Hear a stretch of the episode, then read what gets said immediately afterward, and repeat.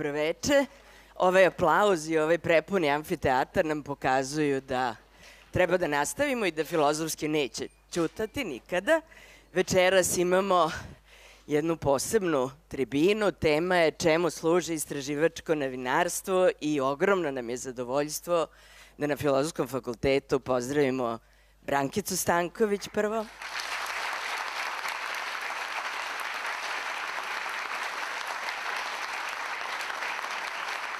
Stevana Dojčinovića iz Krika.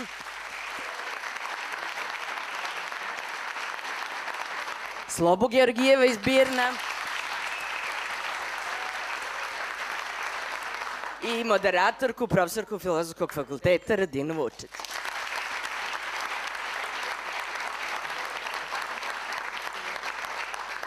I samo da najavim našu sledeću tribinu, 12. decembra, konačno i naši studenti organizuju tribinu pod odličnim naslovom Šta će nam fakultet? Dođete. Dobroveče, pa zaista je divno videti vas u ovolikom broju. Ovaj, ali koliko je taj broj divan, toliko je negde i tužan, zato što svedoči o tome koliko nam je potrebno da čujemo negde i slobodnu misao i slobodnu reč, jer je sve manje čujemo u današnjim medijima pogotovo. I ja bih, e, apropo medija, samo htela za početak da kažem da su neka istraživanja da se danas oko 80% javnosti u Srbiji informiše putem elektronskih medija sa nacionalnom e, frekvencijom, odnosno preko mainstream medija i tabloida. I da imamo veliki problem s tim šta zapravo građani čuju i do čega mogu da dođu. Eh, ja bi počela nečim što je zapravo Stevan rekao jutros gostujući na televiziji N1. On je rekao godina za nama bila je godina afera i neverovatno je šta su sve istraživački novinari otkrili. I to je zaista neverovatno i za svaku pohvalu.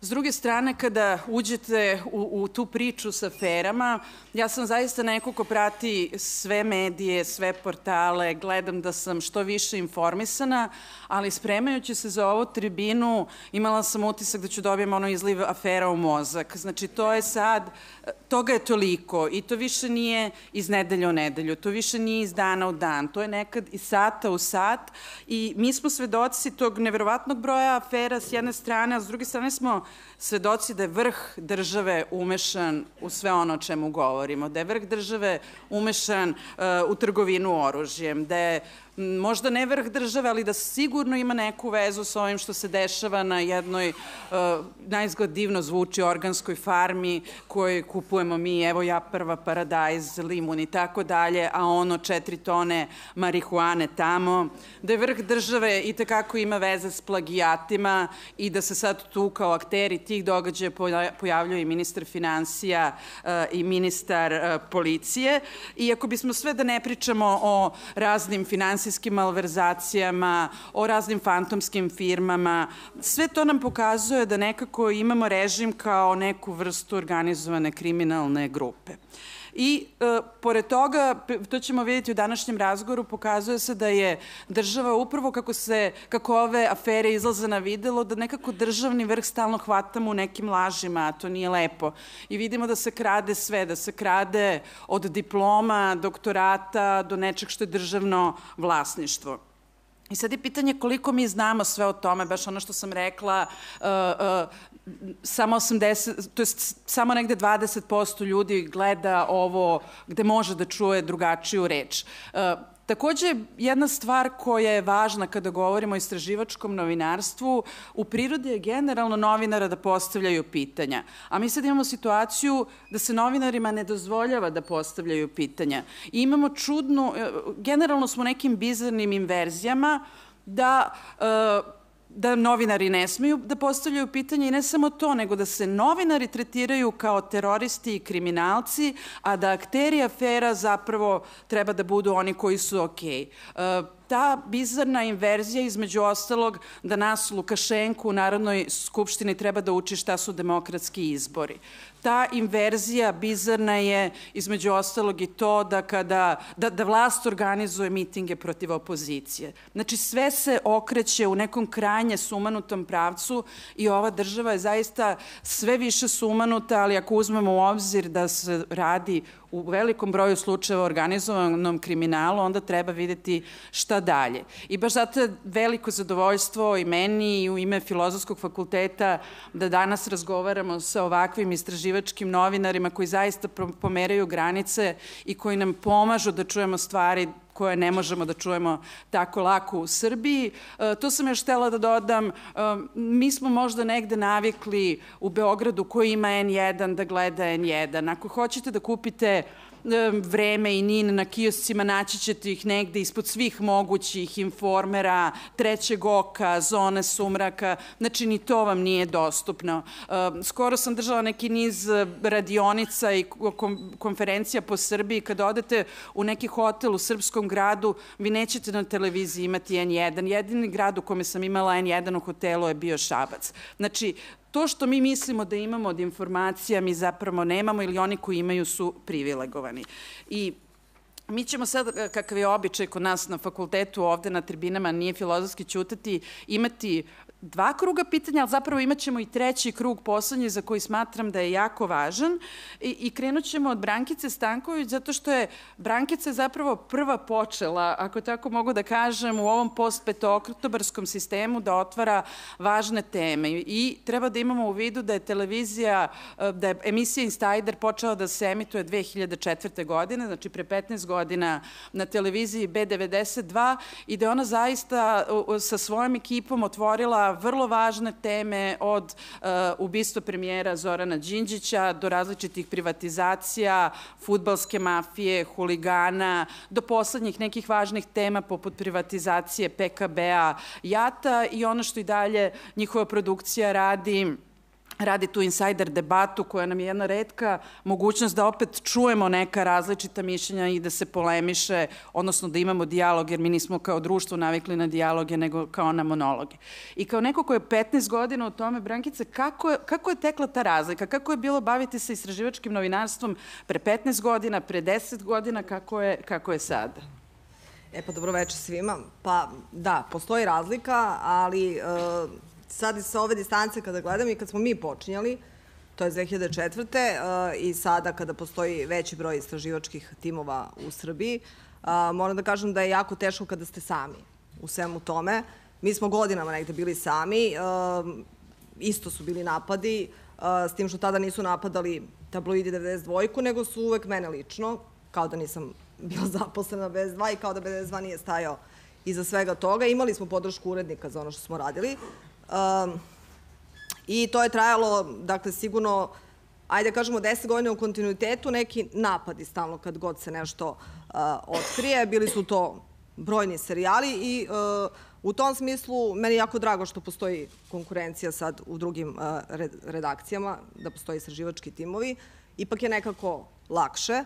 E sad, mi smo otišli sa BDS2 2016. godine uh, i sad verovatno mnogima izgleda da, da nas nije bilo kao što su navikli da nas bude, ali uh, mi smo evo jedno tri godine uh, prosto nam je bilo potrebno da nekako napravimo tu produkciju, da zaposlimo ljude i mi se prosto izdržavamo od našeg rada. Dakle, mi proizvodimo emisije, televizijske formate, prodajemo, naša produkcija ima 20 zaposlenih i u tome je možda razlika između uh, nas i Krika i Birna, jer oni uh, imaju portali, mi imamo i televizijsku produkciju. Sad oni su nekim stvarima mnogo brži. Uh, nama je malo komplikovanije da sad sve to spakujemo u jedan TV serijal i tako dalje. Imamo i naš portal insider.net gde pratimo dnevne događaje, idemo na konferencije za novinare i tako dalje.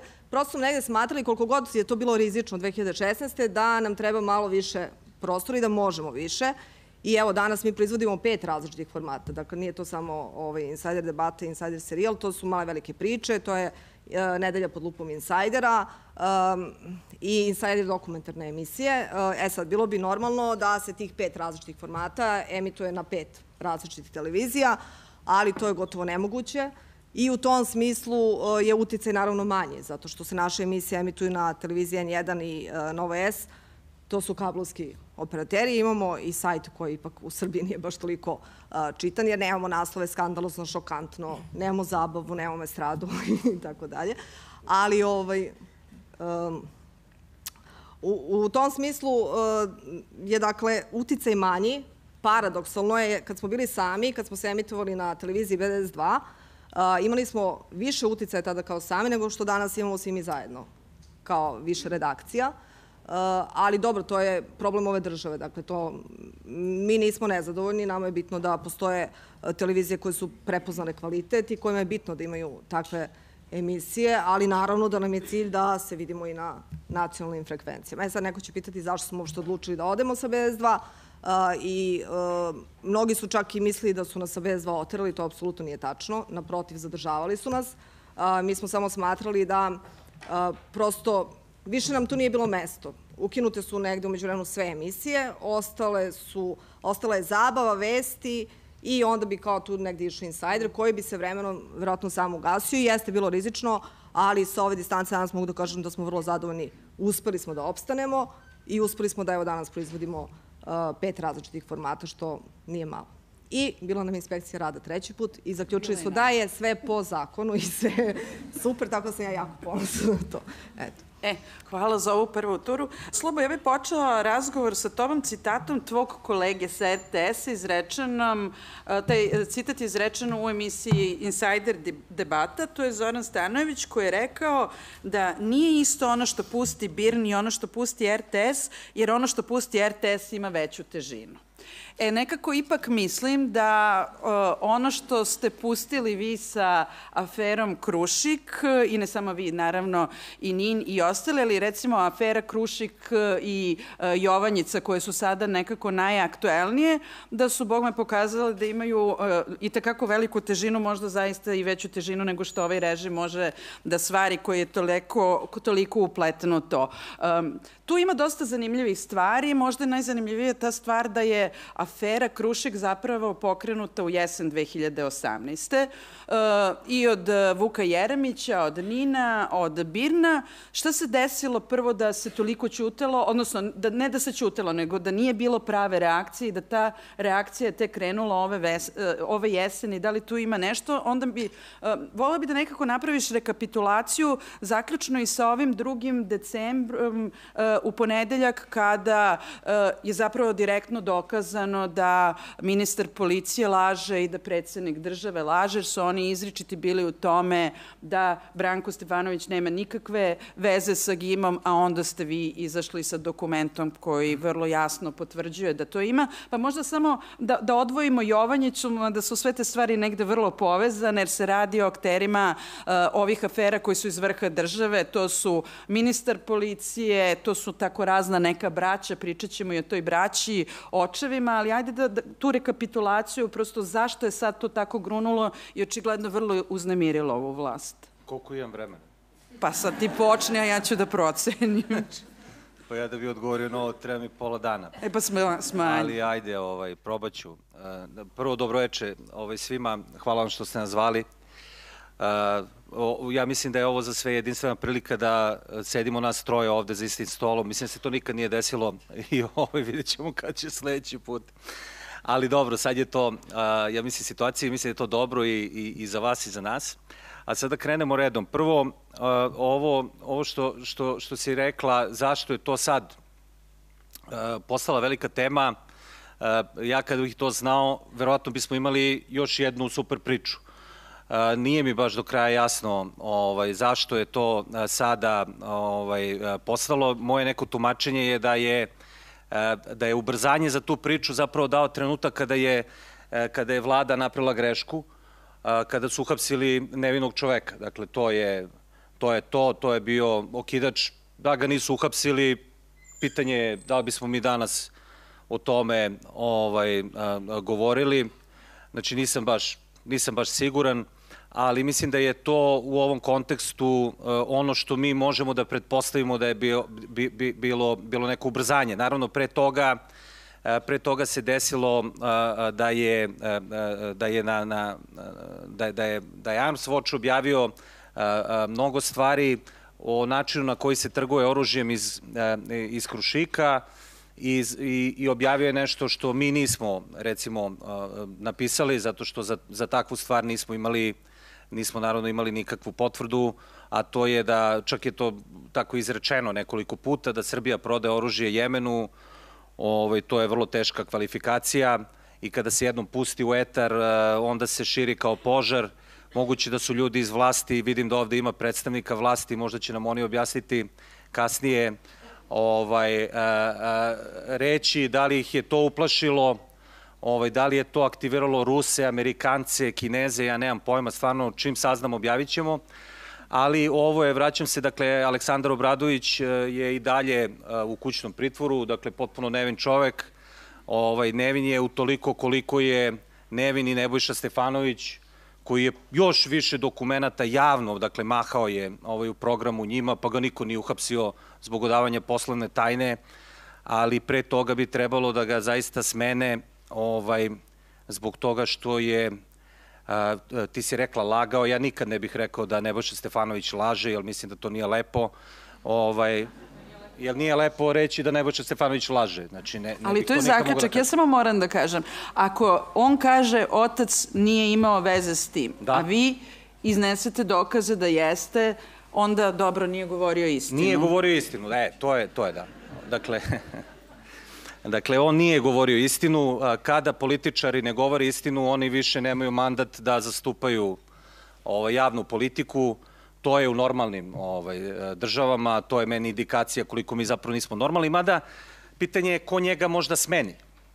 Dakle, pošto mi nemamo vladu, nemamo predsednika vlade, predsednicu vlade, to su sve neke, neki fantomi, ovaj, onda je činjenica da on, e sad, on sam da podnosi ostavku, mislim da to nije ovaj, realno pre neko veče, baš kad smo objavili ovaj, ovu priču u ponedeljak, on se sam ponudio Dakle, on je, on je poslao poruku ovaj, svom upravniku Vučiću da ga smeni. Ali vidimo da Vučić na to uopšte nije ni reagovao.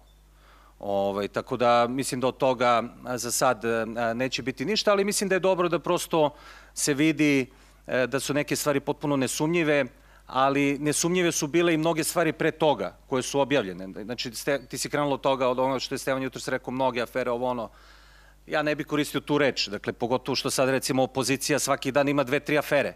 Mi ne možemo da se nosimo s njima, dakle, oni svaki dan objave dve, tri afere, ovaj, mi dve, tri afere i kad ima toliko afera, onda nema afera. Tako da i to malo obesmišljavanje, dakle, svega toga, ja mislim da i u onome što je radila Brankica i u onome što radimo mi i u onome što su radili ljudi pre Brankice, ovaj, u nekim novinama koje su ovde postojale, ovaj, uvek su se trudili da a, objavljuju stvari a, za koje imaju kredibilne izvore, za koje imaju potvrde i, i, i stvari koje su činjenično a, zasnovane. Dakle, to je ono što rade pravi novinari i to je ovo što je odgovor za naslov ove tvoje tribine. Dakle, čemu to služi? Pa to tome dakle, služi, s tim što bih ja rekao da ovaj, istraživačko novinarstvo je u tom smislu jedan instrument novinarstva, dakle, koji služi zapravo da sam, samo novinarstvo postavi u jedan viši razred, društveni razred. Jer to je ono što se ovde ponekad, dakle, zaboravlja, zato što smo mi izašli iz komunizma, evo tu je Vesna Pešić, mi smo se ovaj, dopisivali pre neko veče u sa tim, Dakle, ovaj, Vesna, izvinite što sam. Što sam... Vesnu često ovde prozovu, Vesna kad je u prvom da redu, da kažem, to je redovna ovde situacija. Stvar, dakle, e, dakle, u komunizmu, u komunizmu nema novinarstva, pa nema ni istraživačkog novinarstva, tako da je naša tu tradicija... U, tu, tu ćemo nekom okay. drugom prilikom Ok, ali dakle, to je, moje, da je bilo. dakle, to je moje razumevanje, dakle, to je moje razumevanje, pa, pa u tom smislu novinarstvo nije imalo svoje svoje mesto koje bi trebalo da ima. Dakle, istraživačko novinarstvo služi da a, sam taj posao novinarski, dakle, izjednači na neki način sa onim važnim drugim institucijama u demokratskom društvu, kao što su sud, kao što je parlament, kao što je vlada. Dakle, ka, samo onda kada je novinarstvo u tom rangu, kada je e, prepoznato na taj način kao važna stvar i kada radi stvarno profesionalan način, onda to doprinosi nekoj, nekoj široj zajednici. Jer mogu samo još jedno pre nego što pređem na Stevana pitanje oko Jovanjice, zato može. što uh, može, može. zato što mislim da je takođe važno, zato što su se tu postavila neka pitanja na koje su, definitivno država subvencioniše nešto gde se proizvodi uh, nelegalno marihuana uh, i to nije mala, to je, to je četiri tone, to nije manje, kesica. Manje Dobro, ali... Pa kad se sabere, sabira, to, toliko sam umela da saberem jednu i drugu Čekaj, vrstu. Da, sačekajmo da izveštače. Da izveštače. E, ono što je možda zanimljivo, mislim, dosta stvari je zanimljivo u toj aferi i Vulin tamo i Zoran Babić tamo, ali možda je još zanimljivija ova priča ministra Stefanovića koji nekako ima potrebu da objasni da Andrej, da, da optuženi nije zvao Andreja Vučića prvih šest meseci. Ti do, to danas imaš u tekstu u vremenu. E, ti kažeš e, da li je u pitanju dva, rat dva kriminalna klana Stefanovićevog i Andreja Vučića. Ne, ne, to su ja, onako ne, dosta ne, ne, polako, znači, optu, optužbi ja iz to vremena. nisam rekao. Iz vremena ne, ne, današnjeg. Ne, ne, ne, ne, ne, ne. Znači, ja nisam to rekao. Ja sam preneo ono što tvrdi opozicija. Znači, Dobro, opozicija tvrdi da, da je to vreme. sukob da, da je to sukob dva klana. Dakle, opozicija, dakle, to u javnom Dobro, šta prostoru... ti misliš o tome, pošto ste vi počeli reći, dakle, to? sad ću reći. Dakle, dakle, u javnom prostoru postoji neki narativ. To je narativ opozicije. Opozicija kaže, ili deo opozicije, kaže to je sukob dva kriminalna klana. Ja nemam kredibilnu potvrdu da su to kriminalni klanovi. Dakle, okej, to je jedna stvar. Druga stvar, ovaj, Nebojša Stefanović je po mom uverenju morao da izađe na tu konferenciju vrlo ne, nevoljko, što bi se reklo, i ona mu je poslužila kao u nekoliko ranijih situacija zapravo da zataška neke stvari. Jer on se inače pojavljuje kada zaplene dva džointa. Znači oni odmah izdaju saopštenje i on odmah kaže kako štiti decu. A sada kada zaplane plantaže cele, hektare marihuane, on je čuto danima i vadio se zapravo na tužilaštvo. Tako da tu meni ovaj, nešto smrdi i mislim da svima smrdi i da ćemo sačekati ovaj, da se taj dim malo još uh, uh, ovaj, slegne. A, ovaj, i da će se onda, onda sa, uh, saznati. Dakle, dobro, malo se kao šalim i to, ali zaista moramo biti oprezni u tome kako neke stvari dakle, nazivamo. Možda je nekome dozvoljeno i možda se neko osjeća hrabro i, i, i prosto želi to da kaže na taj način, ali ja ne bih dakle, ulazio ovaj, u tu vrstu kvalifikacije. Ja mislim da je Nebojša Stefanović uradio jednu drugu stvar, mada je on za mene odavno bivši ministar, jer on je, ovaj, kako da kažem, do sad trebalo bude smenjen 15 puta, ali nema veze. Dakle, on je, on je opet zapravo pokazao da on narušava pravni sistem. Jer on govori u stvari stvari iz istrage koje, na, koje u stvari on ne zna. U stvari mi znamo da ih on zna, zato što on sekretar biroa za one tajne službe. Ali, ali suštinski ih ne zna. I on to ne bi mogao da govori. Tako da jedina osoba koja je mogla da govori, kao i u brojnim drugim situacijama, ovaj, na takve teme, je mogao da bude samo tužilac. Znači nije mogao da govori ovaj ministar policije kad već nije potrčao u Jovanjicu tamo sa, sa tim ovaj, privrednikom da se slika kao neke njegove kolege ovaj, pre toga. Ovaj, tako da to, znači da budemo malo oprezni i da pratimo šta će da, dalje da se dešava, ali svakako da tu ima, ima ovaj, prosto mnogo problema. Sad možemo da pričamo da li je ta biljka dobra ili nije, dakle sad To nećemo analizirati sada. Sada ćemo sa Stevanom Dojčinovićem razgovarati, ali ja bih prvo u svakom slučaju da mu čestitam. On je dobio skoro nagradu Vitez istraživačkog novinarstva i... Hvala. I mislim da mi imamo, imamo ovde priliku da novinari koji su napadani u ovim režimskim medijima i Brankica je dobila nagrade uh, i u Njujorku, Vašingtonu, nešto što je ekvivalent Oskaru novinarstva. Imamo i, uh, i, i Sloba, to su nagrade Evropske unije za istraživačko novinarstvo. Mi imamo zaista novinare koji su priznati od šire neke zajednice, od ozbiljne novinarske zajednice, tako da, ovo je najsvežnije, pa zato Stevanu uh, čestitam. Sad, Krik je toliko stvari radio, opet i toliko stvari istraživao, a opet u nekom dogovoru šta ćemo, jer kažem, zaista je tih afera koliko hoćete. Za nas na univerzitetu je zaista bitan Siniša Mali. Plagijat Siniša Malog, ali nama se nekako priča završava na tome, kratko nam je trajanje, na, kratko, kratko nam je sećanje na sve afere, a njih je kad je Siniša Mali u pitanju neverovatno mnogo.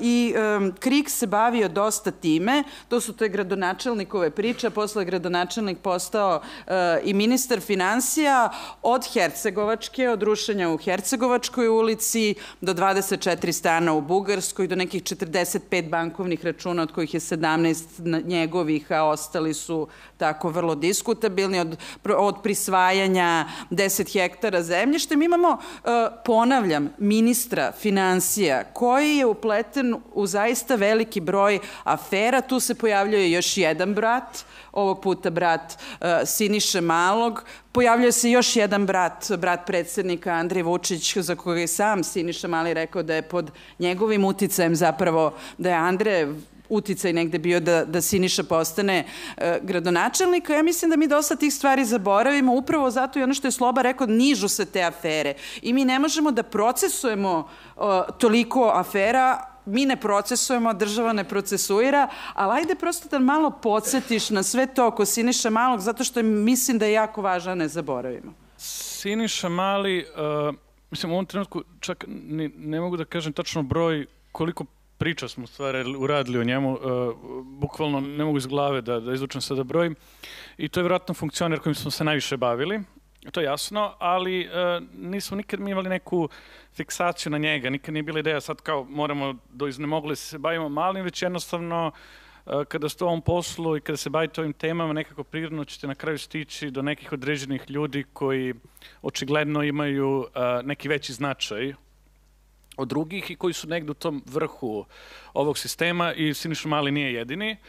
Takav čovek nekako, uh, bar za, da kažem, ono što smo mi gledali, nekako i priče koje smo radili su nas uvek vraćale na njega. E sada, da se razume značaj uh, Siniša Malog, možda pokušat ću da napravim uh, jednu uh, malo dužu priču, onako da brže proletnim kroz nju, jer se moramo vratiti nazad uh, u 2000-tu, otplike, i ono, pro, proletit ću razvojni put uh, njegov, uh, dok se sada opet nije vratio u vlast. Po drugi put, uh, i neke ključne stvari koje treba da se zna. Znači, Siniša Mali, ova stvar, inače od doktorata je jako čudna, jer još, još kad smo krenuli da se bavimo Siniša Malom, znači pričamo možda nekih pet godina, pre pet godina, sa ljudima kojima smo pričali, tad kad smo gledali njegovu biografiju, uh, po svemu što smo saznali čuli njega, on je uh, uh, bio jedan kvalitetan učenik, on je završio i obrazovao se isto s polja i sa svima koji su uh, praktično imali dodira sa, sa njim u tom smislu uh, su ga opisali kao neko koji je bio kvalitetan što ga tiče. Tako da mi nije jasno, sad nismo se mi bavili ovom pričom o doktorata, ne znam sad odakle neko takav da kupi uh, uh, ili plagira doktorat. Uh, ali on je se važio kao jedan jako kvalitetan uh, uh, student u jednoj sferi financija. I kao takav je on došao 2000-te posle promena u Srbiji, on je tada bio u Americi gde je studirao. Um, I uh, tadašnja nova vlada je rešila da angažuje da neke mlade kvalitetne ljude da, uh, uh, da, da pokušaju da nešto urade. S ovom zanjom, inače, čisto jedna kao trivija interesantna, on isto bio panker pre nego što je ušao u priču. Uh, mislim, da, da, E, I sada on je uh, jako mlad i sa ne mnogo iskustva dobio jednu jako uticajnu poziciju. Još tada on je vozio jedan jako bitan sektor agencije za privatizaciju, sektor za tendere. On je praktično bio drugi čovek agencije za privatizaciju. Jer firme koje se prodaju na tenderima su bila neka kapitalna najveća naša preduzeća. I tu je negde krenulo u stvari naše istraživanje, mi smo se njime bukvalno bavili od tog perioda, smo videli da, nažalost, e, tako kvalitetan e, čovek, kako su ga svi opisivali kada je došao, je prvih nekoliko e, poslova koje uradio su jako sumnjivi i deluju, da kažem, čak neke od tih stvari su bile jasna trgovina uticajem. Praktično on je već rano prvim poslima krenuo da namešta neke pretizacije sobstvenim članovima porodice. Naprimer, bile pretizacija bratstva koji je bio jedan veliki proizvodjač delova za, za vagone, u Vojvodini, gde on praktično prevario moguće mađarske investitore koji su došli da kupe tu firmu i uh, uh, omogućio sam ocu da privatizuje tu firmu koja je posle toga uh, završila u dugovima i, i propala. U drugom slučaju on je uspo da dođe do 10 hektara državnog zemljišta preko jedne druge privatizacije koje je kasnije uknjižio na firmu njegove porodice. I tu su pokrenuli proizvodnju um, nekog džubriva koji se koristi dalje za proizvodnju pečuraka. Onda smo imali treću privatizaciju uh, pumpi Beopetrol, koja je, uh, koju je on prodao uh, uh, Rusima, Lukoil je kupio i koji prema uh, analizi, istraživanju saveta za borbu korupcije, takođe koruptivna prizacija i tako dalje.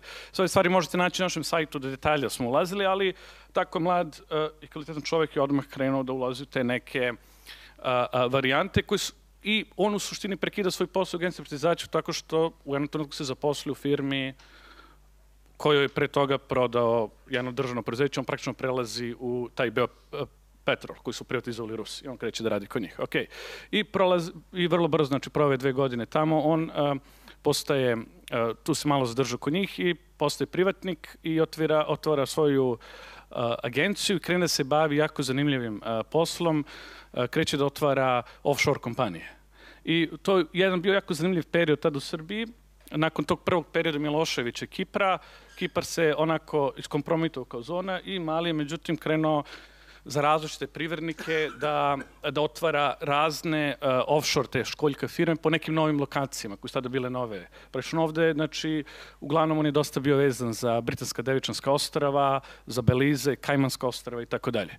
I uh, tu je radio dosta dugo. I praktično mnogi su ga angažovali, i on je bio svuda, bio je čak i upravno odboru BDS dvojke, koliko znam, uh, bilo, u jednom trenutku je bio deset upravnih odbora i uh, bio jako sposoban i kvalitetan da pravi različite planove i šeme i strukture firme. I znači praktično Um, on je mogao da, ako ste neki veliki privrednik i hoćete da što manje poreza platite u zemlji, Sinoš Mali je bila prava adresa da odete kod njega i da vam osmisli neku dobru strukturu kompanija koja će se naći u deset lokacija širom sveta, i da vam omogući da praktično iznesete kapital s polja i da ga naporezuje se ovde.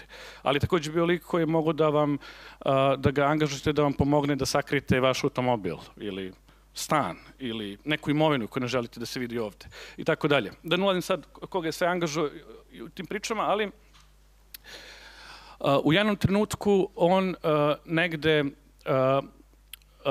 je odlučio da izađe sam iz ovog posla i uh, praktično u to vreme jedan mlađi advokat koji se zove Igor Isilović koji je radio kod njega, on ga je dovoljno dobro naučio u tom poslu, tako da imamo jedan prelaz gde mali praktično izlazi iz svih papira. Do tog trenutka on je mogu da bude viđen i u tim firmama kao direktor, kao upravno odbor u punomoćima, ovaj mlađi advokat ga nastupa i on nastavlja da vodi taj posao. I onda 2012. jedan put on opet dolazi na vlast. E, prvo kao e, savjetnik tadašnjeg vojnog ministra Aleksandra Vučića, koji kasnije postoje gradonačelnik i sada ministar financija. Ok. Znači, on dolazi, zanimljivo sa iskustvom nekog čoveka koji je uvek bio u toj nekoj, da kažem, sivoj zoni ekonomije. Znači, uh, ako gledamo sve posle koje tad radio, zato su ga angažali, nisu, nije baš bilo ono, skoro za ekonomije na belom, ni na crnom, znači uh, nije bio uključen neki kriminal, ne znam, pranje novca, ali sve što je radio su bili neki kao onako izme, između tog, tog dela i jako je zanimljivo da on čim dolazi, u stvari, čim uh, dolazi na vlast ponovo kod Vučića, odjapu dobije nadležnost za neke ključne projekte. I uvijek sam se pitanje zašto baš takav čovjek tog profila uh, dobije takav posao i prva krupna stvar koju je krenuo da radi je bio Beograd na vodi, zatim privatizacija ili kako da nazovem a, našeg avio prevoznika i tako dalje. Znači on je bio te neke ključ, ključne poslove i mi znajući koji je on jedan od razloga zašto smo stvari krenuli još tada da, a, da ga gledamo je bilo jer, jer, jer smo otprilike znali ko je čovjek i bilo mi jako zanimljivo da upravo to je bio izbor za nekako će da vodi te ključne projekte u zemlji. I sada, u suštini, uradili smo neki klasičan put i to je bilo najviše zaslug naše novinarke Dragane Pećo koja vidimo ovde da sedi u i to je verovatno jedna od najboljih novinarki u Srbiji koja zna da prati novac, tako praktično Dragana je ekspert za baš upravo to za razkrivanje offshore kompanija, tako da ono što smo prvo uradili smo hteli da da tražimo svuda po svetu gde možemo praktično ga naći da se pojavljiva u vezi sa nekim firmama. Okay. I tako uh, stižemo uh, do one prve čuvene priče oko kupovini apartmana u, u, uh, u Bugarskoj, koji možemo posle u više detalja uh, ako treba, ali suština priča smo nekako u nastavku raspleli nekoliko sumnjivih poslova u koje je u kojima je on učestvovao. Uh, zainteresovali smo agenciju za borbu korupcije, To je, to je bio bitan trenutak, jer u to vreme ta agencija još uvijek radila kako treba. Mislim da a, tadašnja direktorka Tatjana Babić i uradila par dobrih uh, i bitnih stvari. Jedno je bilo od ovih. Znači, kad smo objavili taj prvi set priča, agencija pokrenula uh, svoju istragu I onda su vidjeli da to prezilazi njihove nadležnosti. Jer u suštini šta agencija radi? Agencija protiv korupcije manje više uh, proverava, uh, uh, oni imaju manje više neko, da kažem, birokratski posao. Znači oni proveravaju da li su svi funkcioneri prijavili državi sve što posjeduju stanove, nekretnine, nekretnine, automobile i tako dalje, firme u kojima učestvuju. Ali agencija, ako se tako zove, za borbu protiv korupcije, to neko zvučno ime, ona u suštini ne bori se protiv korupcije, ne istraže baš korupciju samo po sebi, znači agencija se ne bavi time da li je neko primio mito uh, i, i nekim ozbiljnim krivičnim delima, to je u nadležnosti tužilaštva. Da. Tako da agencija praktično krenula od tog njihovog posla i onda su videli da je tu dosta sumnjih stvari koje su našli i ono što je bilo jako bitno u tom izveštaju kasnije objavljanja vidi se da je agencija nekako i potvrdila sve što smo mi objavili u tim pričama, uh, je takav izveštaj poslala tužilaštvu i rekla vidimo da ovde postoji velika sumnja da je Siniša Mali počinio pranje novca. Uh, I tu je bilo nekoliko sumnjivih poslova koje me, uh, koje me uh, učestvo jedan od tih je taj sa stanem u Bugarskoj, ali da kažem, ajde opisat ću jedan koji je bio najalarmantniji koji je nađen, je bio uh, jedan trenutak kada je on uh, praktično uh, uh, samom sebi prodao jednu bezrednu firmu. Znači on je bio uh, vlasnik jedne firme u Srbiji koja nije imala nikakvu vrednost, preduzeće koje je bilo nula, i on je to preduzeće prodao jednoj uh, firmi sa Devičanskih ostrava za koju smo mi kasnije u stvari utvrdili da je on stoji za te druge firme, znači on je bio vlasnik oba preduzeća i on je prodao za vrednost od pola miliona evra, preduzeće koje ne vredi ništa. I to je bilo jasno da je u pitanju uh, fiktivni posao i mislim ako pričate sa svakim stručnjakom, mislim oni će vam pisati da je to jedno klasično onako knjiški primer pranja novca. Znači da vi praktično pravite neki fiktivni posao, da biste tim fiktivnim poslom ako privukli uh, neki novac s polja, koji on kasnije iskoristio, kupio je dva, dva stana je kupio u Beogradu, jedan u Aziji uh, i, i ne mogu se setim je, da je, da je drugo kupio. Uh, taj posao je bio toliko alarmantan da je, pored same agencije koja baš njega tu apostrofirala, isto uzbudio uh, službenike banke, znači službenici banke u Srbiji koje je primila novcu takođe su je uplašili i oni su odmah taj posao bili prijavili upravi za sprečavanje pranja novca. Onda je uprava za sprečavanje pranja novca isto uradila neku svoju istragu, to je državna institucija koja se bavi svim mračnim tokovima novca u Srbiji, i sastavili jedan izveštaj gde je u suštini izlistala sve transakcije koje su sumnjaju u kojima je učestvovao, gde je opet najviše fokus bio upravo na ovom poslu, jer je baš bio, kao što kažem, knjiški primer svega toga. I priča se završava praktično da u rukama tužiloštva su bila oba izveštaja, izveštaj agencije, izveštaj uprave koji su signalizirali istu stvar, ali je tužiloštvo ipak jednom da traljavom u najboljem slučaju istragom, da tako kažemo, je zatvorilo i zaključilo da ipak po njihovom stavu, stavu on nije učestvovao u njihovom pranju novca i ta istraga se završila i ceo slučaj je, slučaj je odbačen. I mislim da je to kao praktično jedan, jedan primer kako se sve ove stvari završavaju. Vidim da sad čak i u slučaju Krušik je nedavno tužiloštvo pokrenulo istragu, ali znajući šta se desilo sa malim, Sa slučajem Vulin, uh, pitanje je koliko će stvarno, uh, da li je to impakt novinarstva ili ta istraga će se završiti isti način, da će oni posle i samu istragu iskoristiti da dalje pravde sebe, da su čisti. Okay. Uh, mi smo nastavili da, da se posle toga bavimo malim i praktično gde god da zagrebemo neke velike posle, na kraju će on izaći. Poslednja stvar je bila kad su se bavili Millennium timom. Či Millennium tim je jedan od, od većih građevinskih firmi u zemlji. To je jedno razgranatno preduzeće koje dobija sve ključne tendere za izgradnju puteva. To je firma koja gradi Beograd na vodi, firma koja imala ogromne poslove uh, sa gradom Beogradom, posebno vreme kada je Siniša Mali, Mali vodio grad. I na primjer, ako uzmete tu firmu da skenirate, ono što smo posle našli priča koje smo ove godine objavili je bila ta da, da automobil koji u vlasništvu te firme, jedan Audi, uh, Predrag Mali, brat Siniša Malog, koristi već pet godina, on vozi njihova kola. A, takođe smo našli stan na, na, na Voždovcu koji je koristila njego, njegova a, a, bivša devojka. A, tako da to su neki pokloni koji očigledno je ta porodica dobila od te firme koje opet, kao što kažem, dobija neke ključne posle u ovoj zemlji.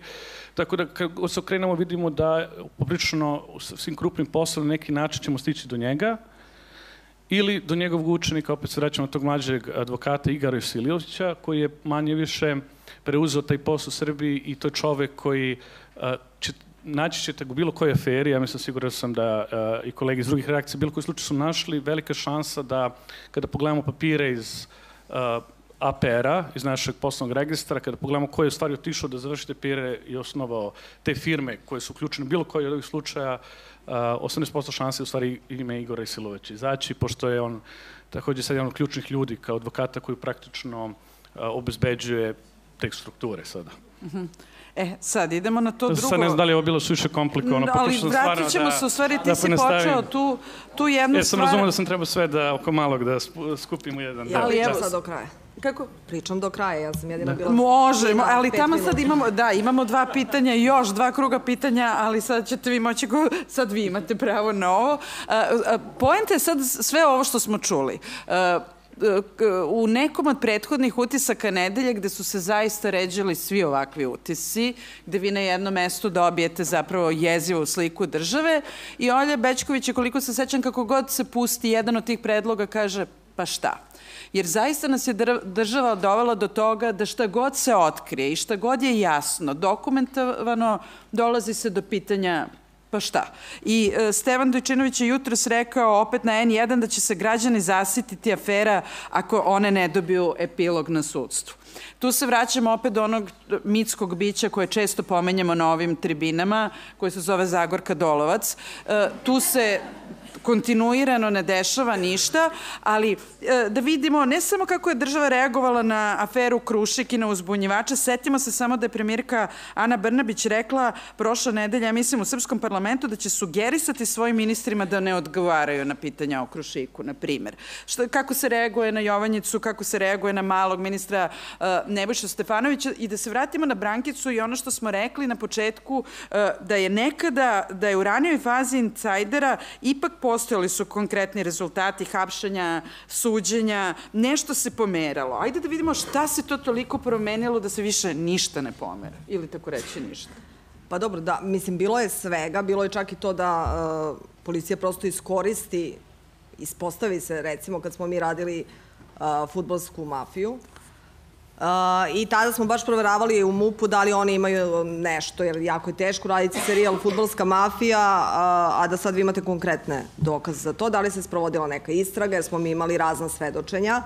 I nama je tadašnji direktor policije rekao, bila je baš koleganica sa mnom, da oni ne rade ništa oko toga, da nemaju pojma ništa, ne mogu da nam daju nijednog sagovornika. Završio se serijal i to ona čuvena priča kada je serijal išao ponedeljkom, oni su hapsili utorkom. Dakle, tri uh, ponedeljka za redom su bila uh, hapšenja utorkom i ja sam tada razgovarala sa Veronom, do, sada sam došla, mislim, to je uh, trebalo da izgleda tako, evo sad, insajder je zapravo kriv, oni su se otkrili, a mi moramo da sad hapsimo, a do tad ništa nisu imali, ili da izgleda tako da mi stvarno radimo po nalogu MUPA. Ja sam htela da prekinemo serijal, ali negde je odlučeno da mi prosto radimo naš posao. Mislim, bilo je i tih situacija, bilo je situacija gde pokušavaju da demantuju. Recimo, Dragan Đilas je pristao da, da govori za insajder koji se zvao službana zloupotreba, 2008. je tada bio gradonačelnik i to je bilo zemljište koje, u stvari, radili smo serijal o tome kako su pojedinci kupujući fabrike zapravo dolazili do luksuznog zemljišta, a radnici ostali bez posla i propale fabrike nikad nisu oporavljene. Da, da se privatizacija pre, pretvorila u kupoprodiju nekretnina. On je pristo odgovarao na pitanje, sve su u tom intervju slagao s nama. Sledeći dan, kad je sve to emitovano, kad smo utvrdili kolika je potencijalna šteta bila za budžet Srbije, oni su svi izašli i rekli to nije tačno, to je sve proizvoljno. Ali razlika tada i sada je u tome što su oni tada to pokušali javno da ospore, međutim nekoliko meseci posle toga su promenili zakon, i retroaktivno se vratio novac u budžet, mislim što jeste negde uspeh emisije jedne kao, kao takve. I to jeste, mislim, istraživačko novinarstvo je uh, uh, to šta je naslov, čemu služi, uh, služi javnom interesu i to je prosto činjenica. Dakle, i tako bi trebalo da bude. Istraživački novinari sve ono što otkrivaju, mislim, novinari ne mogu da budu ni, ni tužioci, ni sudije, ni policajci, ali mogu da otkriju, da ukažu na zloupotrebe, da ukažu na, na korupciju i uh, onda od institucija sistema zavisi šta će se s tim desiti. Ja se ne slažem sa tezom da su u pitanju afere, zato što to nisu afere, to su prosto iznati dokaze, iznate činjenice, uh, koje uh, predstavnici vlasti ili institucije ignorišu. I sad, verovatno, većina vas u, u ovoj sali ne zna koje smo serijale mi posljednje radili, jer se sad to emituje na, ovaj, na kablovskom sistemu, ali recimo serijal o PKB-u koji je emitovano ove godine, o prodaji PKB-a, dakle, tu smo utvrdili, dokazali da je prvo prodato državno zemljište koje nije smelo po zakonima Srbije da bude prodato, dakle nije prodat propali PKB da bi se oporavio, nego je prodata imovina, odnosno 17.000 hektara zemljišta u Beogradu i to ispod svake cene, ne zato što smo mi procenili da je ispod svake cene, nego tako govore podaci iz Poreske upravo, odnosno tržišna cena zemljišta. I sad na kraju će država morati to isto zemljište da otkupljuje zato što tu prolazi put koji će se graditi Beograd-Zrenjani, a to su znali pre nego što su prodali i razlika u tome što sad vidjet ćemo šta će tu da bude. Dakle, možda će odustati od izgradnje tog puta, ali ne verujem.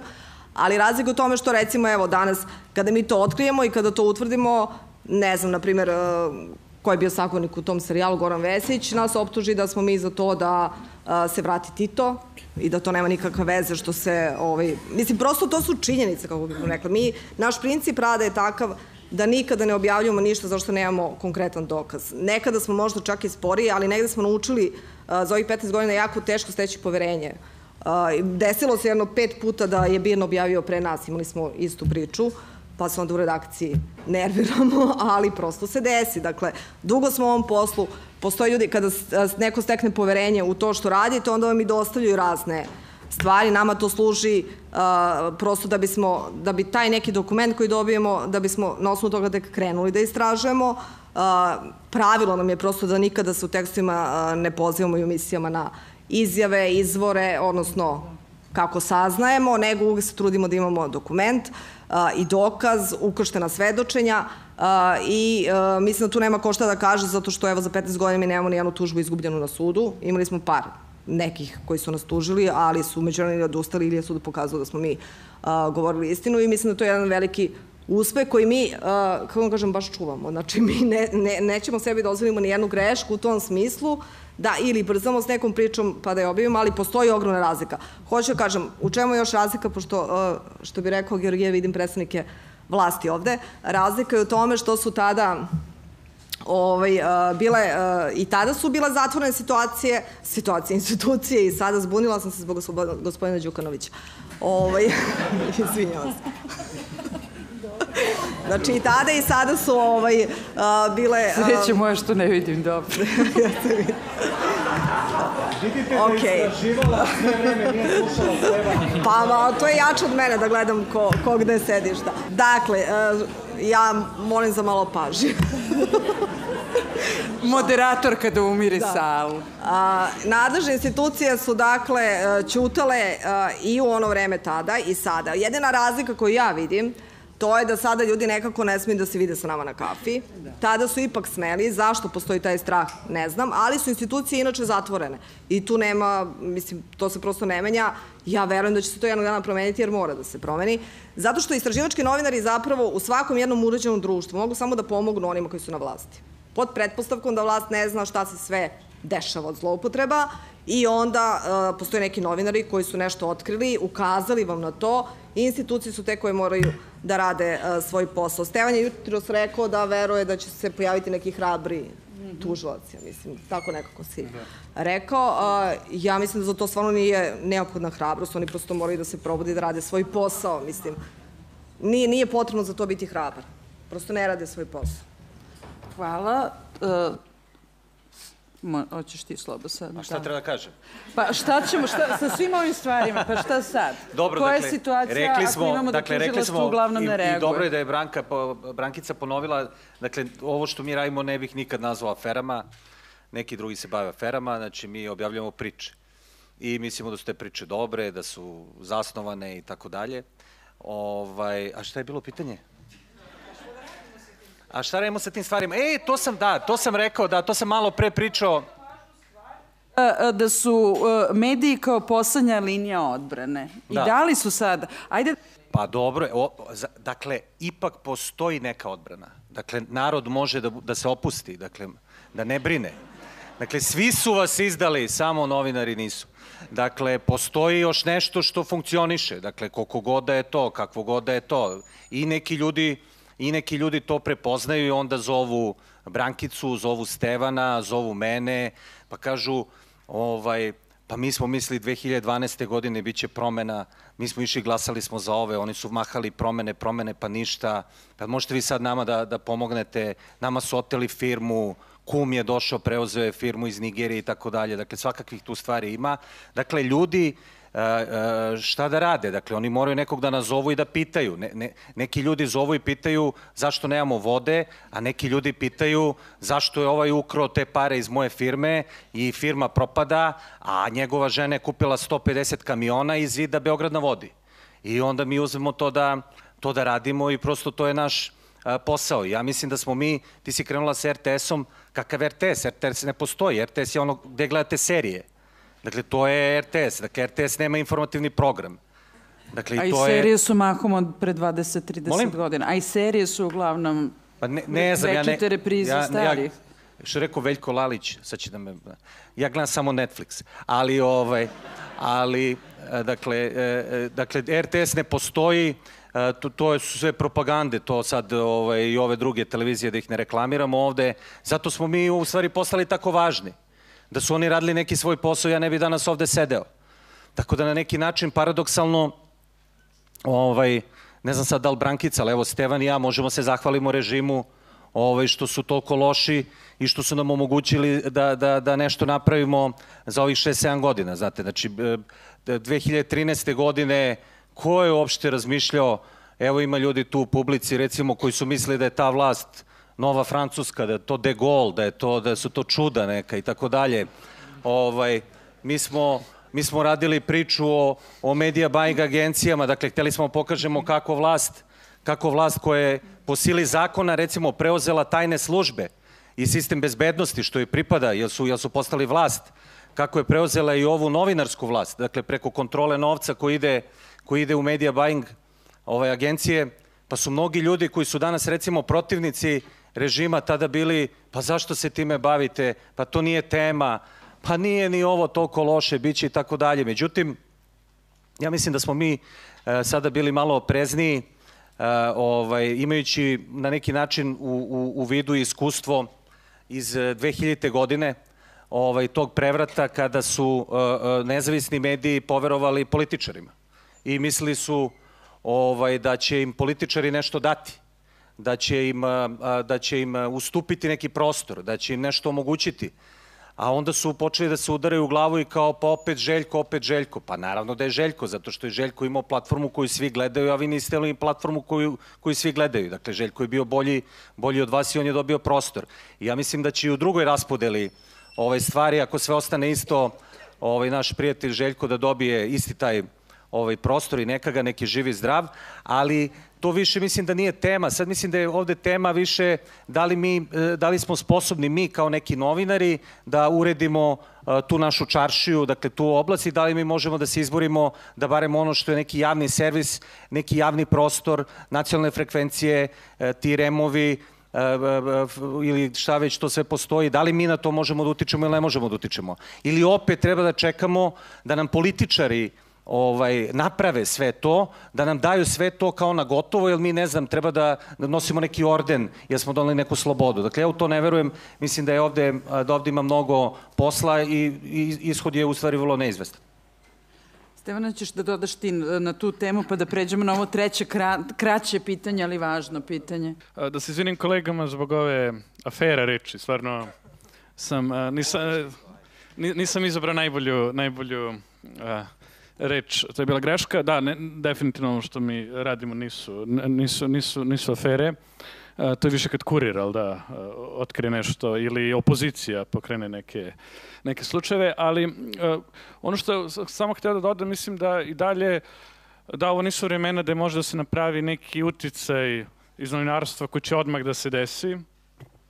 Nije, ne, ne funkcioniše stvari tako što će, ne znam, novi nešto da otkriju, da će uspeti da da, da pokrenu državu i sistem, sistem da radi, ali opet mislim da radimo neku, jednu jako važnu i veliku stvar. jer mislim da mislim, sve ove priče koje mi radimo, koje su kao neki segmenti nečeg, u suštini kad se one sklope kao jedna slagalica, u stvari da jednu dobru sliku u ovom vremenu. Mi u suštini kao novinari pišemo prvi draft istorije, jel da? A, a ono što je takođe bitno, čak i ako sada se ne pokreću te istrage, mislim da, zahvaljujući našem radu, zato što se bavimo istražičkim narostvom i zato što skupljamo dokaze, zato što objavljamo te dokaze, smo uh, uspeli da neke stvari zabeležimo, za koje se možda danas ne bi znalo da su ikad desile, ili bi vlast uh, ih načinila da se nikad nisu desile. Kako vidimo, čak uh, ljudi koji su sad na vlasti spremni da prekraju nek, neke dokumenta, da menjaju dokumenta, da, da ih falsifikuju. Tako da ono što smo mi radili, mi smo u stvari zabeležili neki trenutak koji je baš bio taj trenutak uh, i objavili priču o tome i sačuvali ta dokumenta. I zahvaljujući tome neke stvari su čuvane koje uh, koje danas više ne postoje. Uh, mislim da, na primjer, jako dobar primjer, ja mislim, uh, pogotovo kada više medija radi na jednoj priči, sad, na primjer, to je slučaj sa Krušikom, da imamo više, više medija u suštini da se bavi tom temom, je isto bio uh, sve što se desilo oko slučaja Sava Mala, gde nije bio rad jedne redakcije, nek novina, to je bilo više redakcija koje su uh, gurale taj slučaj, koje su svi prepoznali koji je bitan i koji, uh, da nije bilo novinarskog rada, pitanje koliko bi još o tome znali i šta bi to bilo sačuvano. Znači, mislim da je jako, jako uh, dobra stvar da su neke stvari poput uh, svedočanstva a, a, čuvara koji je radio, koji je čuvao jedne od tih objekata koji su srušeni, da su sačuvana praktično. Da čovjek danas više nije živ. To je bio jedini svedok u tom slučaju koji je opisao ceo događaj kako se desio, koji je spomenuo taj fantomke, koji je bio vezan, koji je objasnio.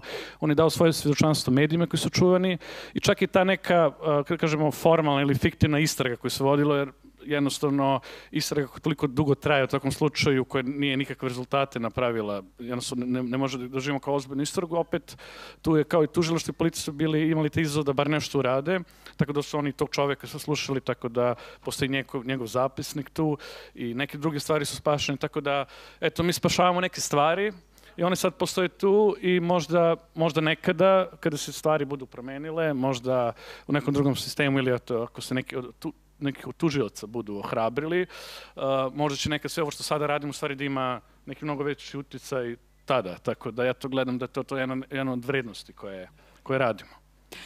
Pa to definitivno, ajde ako možemo da kažemo mi kao istoričari da ćemo koristiti vas, zato što istoričari uvek sagledavaju sve i ovo je već definitivno, mi već sad ovo što vi radite vidimo kao istorijske izvore za da, razumevanje Samo nadam se da neće čekamo 100 godina da bi... Pa, znate što, za istoričare postoje ono što se desilo juče i već ova tribina biti za istoričare ovaj, sutra, ali to, tu ste sad svi okre, eh, otvorili jednu jako važnu priču, a to je priča hrabrosti, ali i priča straha. S jedne strane smo suočeni s time da je straha sve više i verovatno to i vi vidite radeći sa izvorima raznim koje imate sa ljudima, ali e, treba da vidimo i kakve su sudbine uzbunjivača i novinara i mislim da to ne smemo da zaboravimo, pre svega moramo ovom prilikom da, da se apsolutno setimo Aleksandra Obradovića i da na neki način mu pošaljemo podršku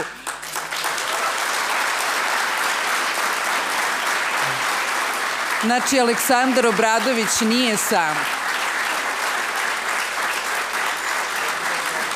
Ono što sam shvatila iz intervjua koje je dao Al Jazeera, njemu ni internet nije dopušten, ne znam da li je to tačno, da, ovaj, tako da će moći ovo da mu prepričaju ili da se nadamo da će taj kućni pritvor što pre biti gotov da može da vidi i ovu podršku. Ali moramo da vidimo i kako je novinarima. Moramo da se setimo novinara Milana Jovanovića sa spaljanom kućom u Grodskoj i sa tim da je zapravo njegov život uh, ugrožen. Uh, moramo da se setimo toga, evo tu, su novi, uh, tu je uh, Dragana Pećo, Milica Vojinović, njima su, one su novinarke krika kojima su opljačkani stanovi, pretumbani stanovi, to je vrlo neko bilo čudno upozorenje. Treba da se setimo novinara Miodraga Sovilja koji je prolazio zaista u zadnje dve nedelje kroz poprilične napade i, i vrlo gadne napade od strane vlasti. Um, da ne pišem, pričam o tome na koji način se u tabloidima tretiraju novinari uh, koji su naši gosti i ja bi sad tu da, da, da ovaj krug završimo to, tom pričom o hrabrosti i strahu. Koliko god vlast misli da da će ovo pojačati strah. To što je jedan čovek bio tri nedelje u zatvoru, pošto je sada u kućnom pritvoru. Ako gledate intervjue sa tim čovekom, meni se čini da je on dobio više snage i da bi bilo nekako dobro da ta snaga da snagu i drugim budućim uzbunjevačima da progovore o svemu što se dešava. Ali bi sad tu htela i vašu priču o hrabrosti, naravno teško govoriti iz vaše perspektive, vi sad sami govorite za sebe da ste hrabri, ali vi zaista to jeste, ali da pričamo o tome kroz šta prolaze istraživački novinari, Brankice, vi ste bili dosta, vi ste prošli svašta sa policijskom zaštitom, pa kako izgleda boriti se sa svim tim, a ne pokliknuti, nego nastaviti do, dalje. I šta nas sve čeka u smislu promovisanja dalje hrabrosti, jer prosto moramo biti hrabri. Pa dobro, mislim da tu nema priča o hrabrosti ili strahu, prosto ovaj posao može da se radi ili tako ili nekako drugačije. Mislim, ili odgovorno ili ili potpuno drugačije, ali onda to nije novinarstvo i tu nema veze da li se vi bavite istraživačkim novinarstvom ili uh, dnevnim novinarstvom, postoji odgovorno i, ono što je neodgovorno. Uh, što se tiče uh, policijskog obezbeđenja, to je već davno ispričana priča, ali to je između ostalog ti napadi koji su se dešavali koji su trajali zaista u kontinuitetu, sad su vratno većina to i zaboravila, kako je to sve izgledalo po tabloidima i moja slika na naslovnim stranama i emisije specijalne o meni kao da sam uh, kriminalac, uh, a o meni govore oni ko kojima bi trebalo da postoje i optužnice. Uh, mislim, to se uvek dešavalo po svakog serijala. U tom nekom periodu mi smo zaista bili sami i ja sam se negde raz, razočarala i u uh, tadašnje okruženje, kolege i tako dalje. Imali smo podršku sa BS2 i tog nekog uskog kruga ljudi, ali kao da kao da javnost Srbije uopšte nije zanimalo šta se dešava. Mislim, sve do se nekome ne desi, nekom, nekome, nek, da, se, da se ne vidi nekom drugom primeru, prosto se nije obraćala pažnja na to i ja sam tad odlučila negde da se povučem uh, iz javnosti, ne da se povučem iz posla, zato što i dalje radimo više nego ikada što smo radili, ali mislim da je zbog toga važna ta novinarska solidarnost, bez obzira na to što se mi često i ne slažemo, mislim, često sad ispako da smo svakodnevno pijemo kafu, sad smo se videli prvi put posle ne znam koliko, ali imamo i drugačiji metod i princip rada, ali svi zapravo radimo istu stvar i u interesu javnosti i mislim da je neophodna ta neka vrsta novinarske solidarnosti. To, to mogu da kažem zato što sam prošla kroz sve to i baš zato smo mi, recimo, ja sećam, naš sajt je počeo sa radom, jedan od prvih tekstova je bio baš, tad su Stevan napadali uh, Lonč.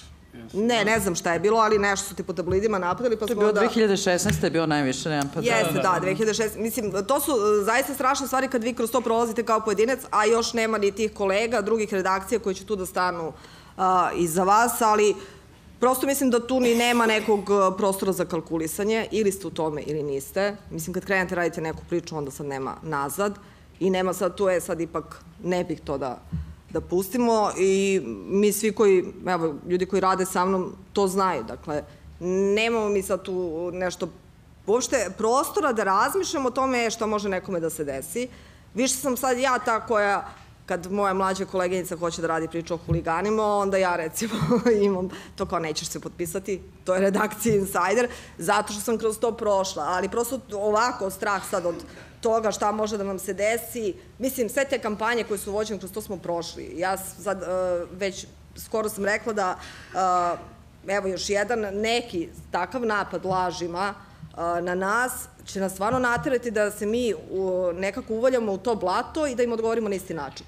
Zato što više mi ne pada na pamet da se povlačimo u tom smislu, jer vi nikada ne možete da odgovorite zapravo na to kako su oni spremni vas za napad. Oni će vas napasti, pričamo o tablidima, lažima i izmišljenim nekim stvarima, a vi na to treba da odgovorite nekakvim činjenicama koje u tom trenutku nikoga ne interesuju. Dakle, prosječan građan ove države vidi na kiosku deset novine i kaže, aha, pa vidiš, u pet je bilo o tamo nekoj brankici, ona je jedan prevarant. Sad ne veze što je tih pet uh, novina malte ne isti vlasnik, to je uopšte nebitno. Dakle, vi uh, negde mora da postoji granica i to je recimo za nas neka crvena linija preko koje mi nećemo preći, nego ćemo odgovoriti na deset puta gori način, ako se to desi. Uh, ali prosto ne, mislim, ako, ako je pitanje da li je potrebno biti hrabar, da bi se uopšte bavili ovim Ne, nego poslom, kako da podstaknemo nije. dalje? Kako da podstaknemo Pa dalje? Prosto svom- oslobađanje ljudi, jer očigledno da je nekako Ali ja loš mislim da to ne trenutak. može da se nauči prosto ili ste takvi ili niste. Je tačno, ili da. se plašite ili uh, se ne plašite. Ne kažem sad da uh, svi sad srljamo kao glavom kroz zid, pa nije ni bitno, ali izabrali ste taj posao, to radite i to možete jedno tako da radite. I mislim da svako u svom nekom segmentu i onim čime se bavi treba da uradi maksimum koji može i uopšte evo nama recimo nije bitno, znam da Georgijev ovaj, me, jedno smo se čak i raspravljali na Twitteru oko toga, meni zaista nije bitno ko je na vlasti. Mislim, zato što negde je različno tako da mi smo bili novinari i pre ove vlasti, bit ćemo i posle ove vlasti, bili smo i vreme prethodne vlasti i prosto mi smo građani ove države, mi finansiramo, mi smo poslodavci svake vlasti, pa i ove, i naše pravo da naš posao radimo tako kako radimo, radimo ga na najpošteniji mogući način i ne može apsolutno... Hvala.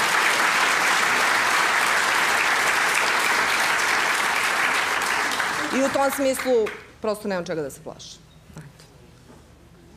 Sad si gotova. Znači, ovaj, Sad sam Vučića. ne, ja se slažem sa svim što si rekao. Ne, drago mi. Ovaj, sve je to isto.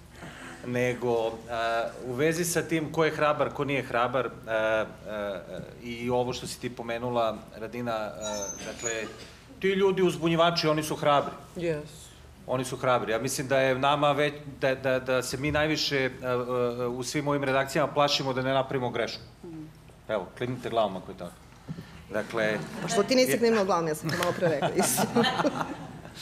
Ovaj, ja mislim da je to nešto što je u stvari e, najveće dakle, opterećenje. Da vi, Da. da vi e, e, e, pogotovo u ovako e, e, komplikovanim okolnostima da ne napravite grešku. Zato što ovaj, ste e, za razliku od perioda pre toga sada svrstani u politički tabor. I možete vi da se udarate u prsa koliko hoćete i da vičete ja nisam to, ja nisam to, njih ne zanima. Oni vas tretiraju kao političke neprijatelje. Znači, ne protivnike, nego političke neprijatelje. To je ogromna razlika i to nije bilo do 2012. godine.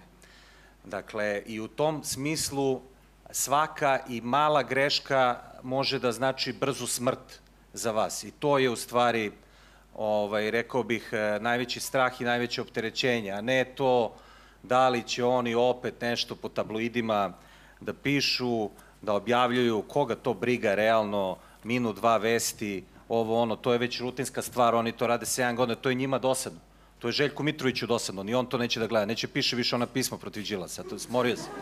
Dakle, to je sve već njima dosadilo, dakle, to je sve besmislica totalna, nego je ovo, dakle, vrlo, vrlo, vrlo važno, zato što, ovo naglašavam, kada vas stave u taj politički kontekst, znači onda je tu ta arena malo drugačija. I ti si malo pre rekla, ti si napisao. Pa ne, ja nisam to napisao. Odnosno, ja to nisam rekao. Vidiš kako to brzo sklizne. Stoji potpis, još sam te pitala zašto ja mogu, u ne, ne, ali ima atribuciju. Ne, ne, ima atribuciju. Dakle, e, dakle, postoji velika razlika između onoga što mi možemo da napišemo i da kažemo i onoga što možda neki drugi akteri mogu da kažu. I u tom smislu, naravno, dakle, novinari nemaju tu ovaj slobodu da kvalifikuju stvari, ovaj, da daju prideve, dakle, to su opasne stvari i svi mi kada imamo, ovaj, kada nam dolaze mlađe kolege, to, ja mislim, isto im govorimo i izbacujemo iz priloga, iz tekstova, dakle prideve, prideve, dakle to sve sklanjaj. I zato ponekad možda i naši tekstovi izgledaju ovaj, suvo ovaj, i, i dosadno, ali to je jedini način da ti ostaneš e, u tom e, nivou činjenica i neke vrste neobjektivnosti, nego, nego fair prezentacije onoga, onoga što imaš. Dakle, meni je, za mene lično biti fair je važnije nego to objektivno, pošto to objektivno ne znam gde postoji i šta znači, ali biti fair to mogu da osetim, tako da to je ono što, što je meni važno. I da se vratim dakle, na tu priču dakle, o hrabrosti, ljudima je ovde potrebno, kao i svuda, da imaju heroje, potrebno je da te naše priče imaju heroje. One ponekad nemaju, ne dobacuju zato što nemaju heroje. One imaju samo zlikovce. I ljudima je muka od tih zlikovaca. A ljudi hoće u priči da imaju heroja. Oni hoće i ono ko se patio da pobedi. Mi ponekad to nemamo. Imamo samo onog zlog koji ide okolo i pravi sranja. Ovaj, tako da to je ponekad i naša greška. I, I mi ponekad mislimo da smo uradili super, a u stvari ljudi to ne dožive tako baš. A ja mislim da je to zbog toga što oni ne vide, ne vide tog heroja, ne vide, ne vide i, i onda dođu do toga, pa šta, pa dobro da, pa lopovi, pa još jedan lopov, pa još jedna krađa, pa još jedan namešten tender, pa ovo ono, a, sve to i šta. Tako da mi tu mislim da imamo dosta prostora za napredak i da radimo bolje i bit će sve u redu. To zvuči optimistično, Tako je. Stevan. A, pa, ja ne bih, a, verovatno, pisanje tabloida shvatio tako naivno, kao sloba a, i, i, i be- a, bar tako je rekao da, da ne treba da brinemo. Ja mislim da je to poprilično strašna stvar što se dešava i šta može ljudima da uradi. I da, možda tabloidi neće da vas oštete na Twitteru, ali koliko je to ljudi stvari na Twitteru koji vidi. Znači, jednostavno, ja vidim tu, sam vidio, e, i kad se meni to dešavalo, veliki prelaz iz toga, iz ovog okruženja ovde, e, kada odem kući za, za Kruševac i onda stvarno setite koliko to stvarno znači, koliko stvari ti mediji stvarno mogu na neki način da utiču na, na, na ljude do tog nivoa da e, komšinica koja vas zna od malena kreće da propituje neke stvari u vezi sa vama. Tako da, da, ne bih to shvatio naivno iz drugog razloga, isto zato što u mnogim tim tekstovima tabloida se vidi, um, vidi ti tragovi službe, i uh, Insider je uradio jedan baš dobar dokumentarac ranije o tome kako funkcionišu stvari koje trebate da pogledate, tako da najmanje naivno u stvari i mislim da to jeste jedan jako opasan alat koji ova uh, država koristi, taj miks uh, uh, obaveštenih agencije koje su smerene da praktično prate i prisluškuju novinare i opoziciju i tabloida koji zajedno rade s njima. To je smrtonosni miks praktično. Pa da, ali to Aha. je tako. Da, ali mislim, To je tako. Dobro, s druge strane, sad je mojih pet minuta. Znači, sa, sa druge strane, e, sa druge strane, da, e, opet ne živimo, u e, to je kao, nije ni ova zemlja, naj, postoji gori scenarij od ovoga, ali da? Ja radim sa dosta novinara iz drugih zemalja i jednostavno da, postoje zemlje gde su novinari suočeni sa mnogo većim opasnostima i rizicima. Mi imamo ko- koleginicu Kadidži Ismailovu iz Azerbejdžana, koja je tamo uhapšena i provela šest meseci u zatvoru po potpuno lažnim uh, optužbama, uh, zato što je otkrila tako isto tajno bogatstvo predsjednika kako je on iznosio neki novac iz Azerbejdžana. Imamo kolegu u Sloveniji, u, Slovačkoj, Jana Kucijaka.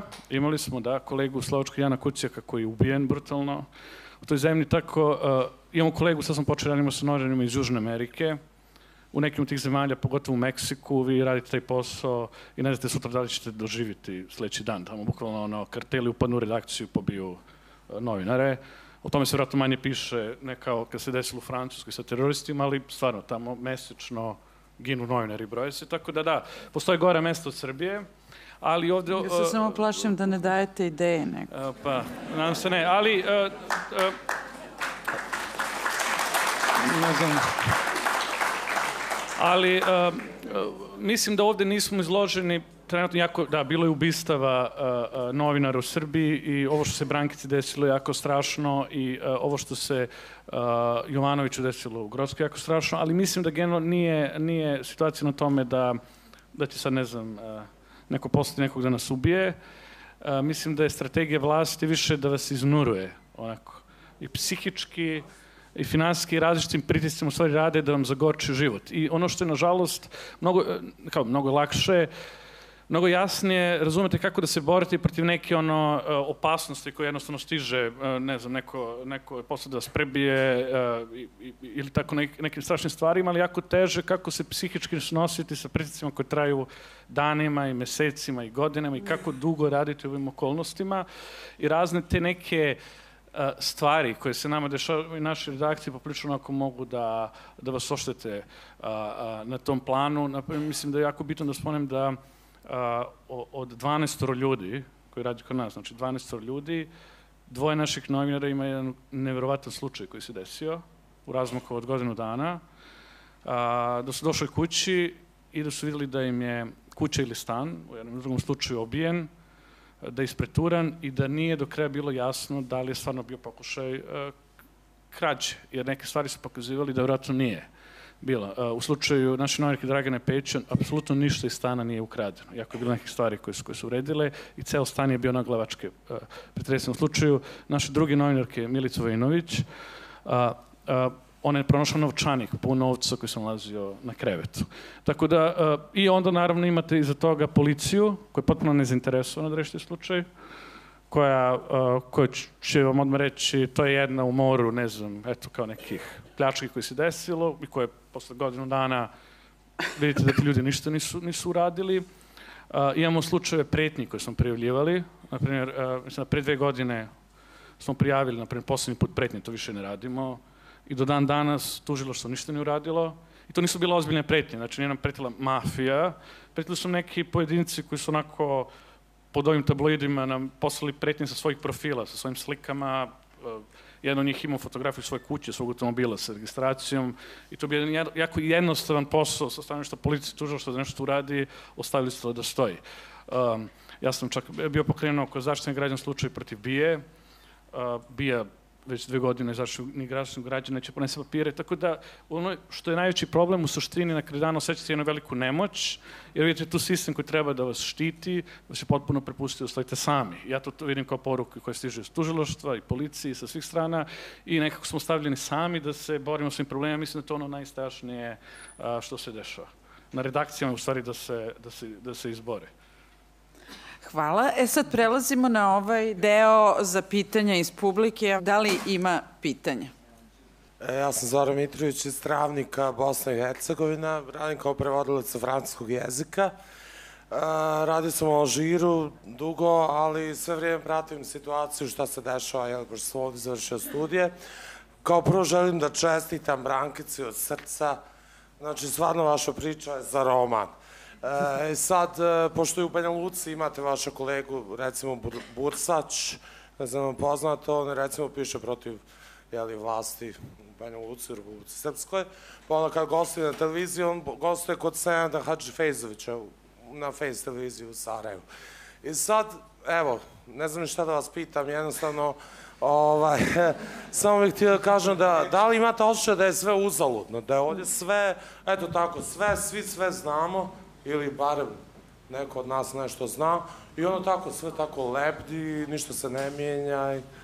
Da li... Pa ja nemam ovaj utisak da je uzaludno, naprotiv, ja sam već rekla da sam negde zadovoljna kad sad podvučemo crtu uh, i sa onim šta smo sve uradili i koliko smo uh, zapravo stvari otkrili koje su u interesu građana i javnosti, a ne u interesu pojedinaca i to nije nikakva fraza, to je stvarno tako i nama je to negde najvažnije. Ja moram da kažem, mi pritiske nikakve nemamo, u smislu cenzure, zivkanja, zašto smo nešto pustili, zašto nismo, to se apsolutno ne dešava.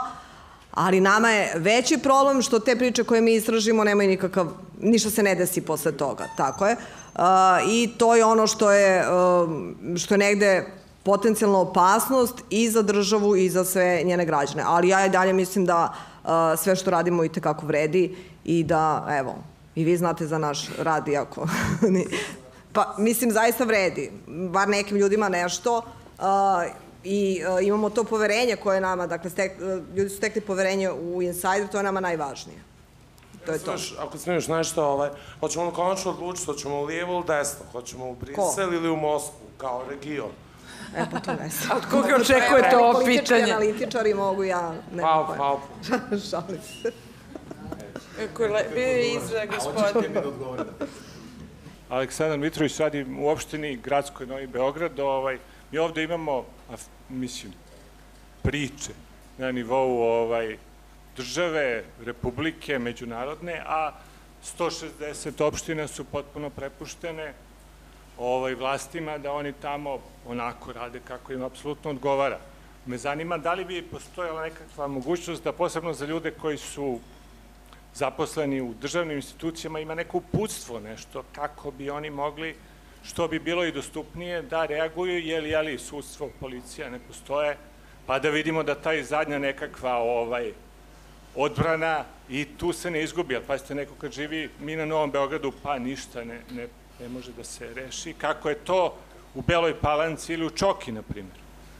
Znači, da li, da li imate u vidu i ljude koji žive i rade jeli, u ustanovama ovaj, državnim ili, ili ovaj, idemo samo na to Jemen e, i tako, mislim, offshore kompanije, znači kompanija je i neka koja se nalazi, ne znam, u Vladimirovcu, nekakav sud, nekakva opština, nekakva tu lokalna firma i tako. Hvala. Ko će od vas da odgovori? Ja ću imam odgovor na svako pitanje. Ovaj, e, vi ste u stvari rekli jednu važnu stvar, a to je ono što nama promiče, dakle da u stvari e, mi nemamo možda dovoljno e, komunikacije sa svetom oko nas, dakle sa društvom, nego čekamo možda da nam nešto padne ovaj, u krilo i onda e, bi zaista možda ponekad trebalo razmisliti o tim stvarima da novinari budu, da kažem, dostupni, prisutni, da redakcije malo više se kreću, barem po Srbiji, u tom smislu, dakle, pa bi možda ljudi više čulo, pa bi možda pomislilo da imaju nešto da kažu i tako dalje.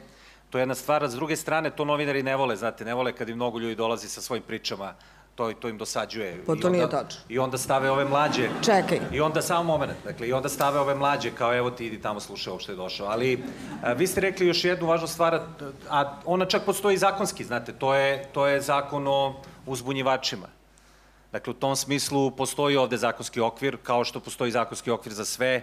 E sad je pitanje na ljudima koji osete potrebu da se prijave i budu uzbunjivači, da li u to veruju. Ono što ja znam mi pokazuje da ljudi u to ne veruju. Ovaj poslednji slučaj je nekako najbolji, najbolji mogući primer. Tako da, ne znam šta bih rekao, dakle, postoje neki načini da se, da se ispriča priča, da se kaže nešto što se dešava bilo u nekoj opštini ili- u nekom gradu, pa, pa da se vidi da li od toga mo- mogu da se naprave, naprave dobre priče. Evo, Brankica ima odgovor, pošto žuri da Brankici damo reč. Sad više ne žurim. Ove, ne, a, htjela sam kažem da smo mi baš zbog toga u pravu ste, ali a, smo mi zbog toga i pokrenuli a, novu emisiju Male velike priče koja se bavi baš a, tim a, pričama koje nisu a, da otkrivaju a, visoku korupciju, kriminal i ne znam, svaka priča da bude za pulicera, nego bukvalno a, naši novinari pomažu jednom malom, običnom čoveku koji se nađe nasuprot sistema koji ne funkcioniše ma šta bio taj sistem. Tako da a, naš mail je a, dostupan i nije tačno da to novinare ne zanima, bar nas zanima. Ja verujem da Slobu ne zanima, pošto ovaj, on radi samo velike priče i otkriva velike afere. Evo vidite šta je A, manipulacija. Ali dobro. Tako da, a, pogledajte emisiju Male velike priče. Pitanje dalje. Jer ima nekog... Ta, ako, da, samo...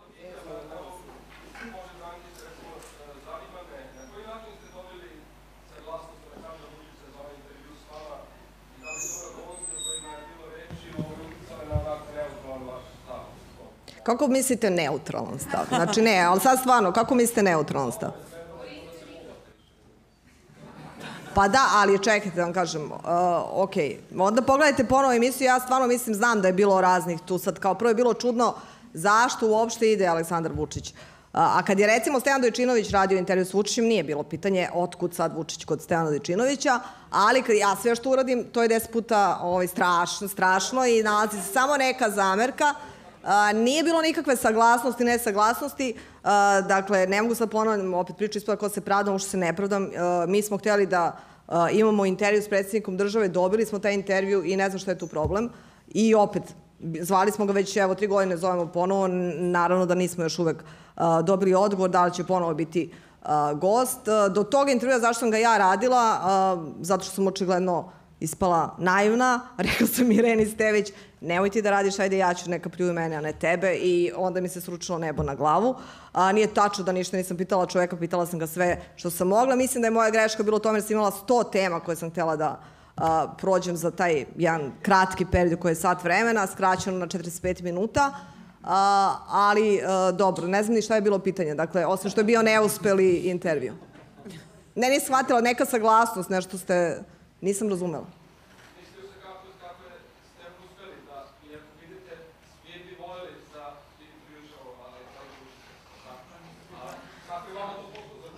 Pa evo, ako ajde ukratko, pošto ne, ne znam, e, verujem da ne znate, verujem da ovaj, uh, ovo stvarno ne znate.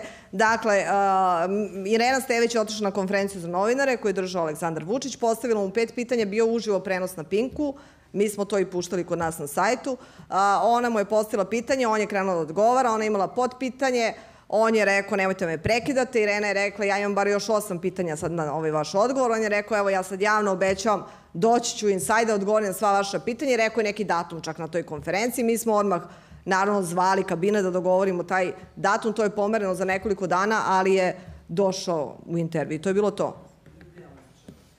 Idealan. Pitanja, pitanja, pitanja. Ovaj, dobar dan, dobro veče, najveće poštovanje prema vama, tu je i All Star postava i Dragana Peću, čiji sam fan. Ovaj, I sportski pozdrav za gosta koji se pojavio, koji izgleda pročitao prvu reč, nije, pa je shvatio da je to njegova omiljena reč u vokabularu.